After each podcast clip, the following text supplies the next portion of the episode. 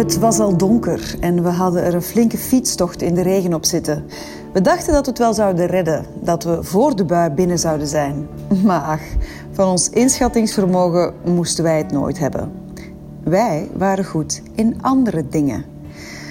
We trokken onze natte kleren uit in de gang.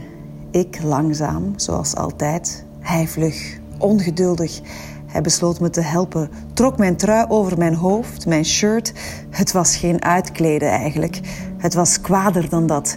Hij begreep verdomme niet dat ik kleding droeg. Hij duwde me tegen de muur, tastte mijn lichaam af met zijn ongeduldige handen. Hij zoende me ruw, terwijl hij zijn vingers hardhandig in mijn vel duwde. En in mij. Hij praatte tegen me. En terwijl hij dat deed, zei hij dat hij me wilde. En nog meer. Maar dat is voor een ander moment. Hij vingerde mij totdat ik klaar kwam. En ik knielde niet veel later voor hem neer. Ik bewoog plagerig met mijn handen over zijn benen, over zijn billen. Ik bracht mijn hoofd steeds wat dichterbij, tergend langzaam, waarna ik hem dan eindelijk in mijn mond nam. Hij zuchtte diep, bleef mijn naam herhalen, terwijl ik hem pijpte. Zijn rechterbeen begon te trillen.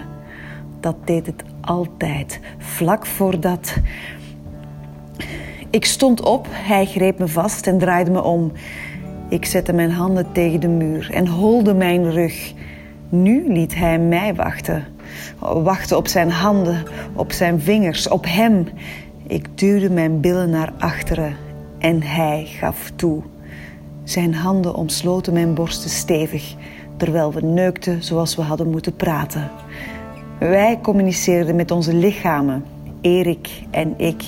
Het waren urenlange dialogen, prachtige gesprekken. Maar ja, echt praten, dat konden we niet. Met Annette kan hij dat wel, praten. En daarom ben ik ook zo blij dat hij haar heeft gevonden. En dat wij gewoon vrienden zijn gebleven. Vrienden die elkaar steunen in voor- en tegenspoed. Vrienden die er voor elkaar zijn op de belangrijke momenten in het leven. Vrienden die speechen op elkaars bruiloft. Laten we dan nu het glas heffen en drinken op het bruidspaar. Uh, kan, kan, iemand mij nog even bijschenken? Nee? Oké, goed. Dan hef ik mijn lege glas op jullie, Erik en Annette. Op de liefde. Op het gelukkige bruidspaar.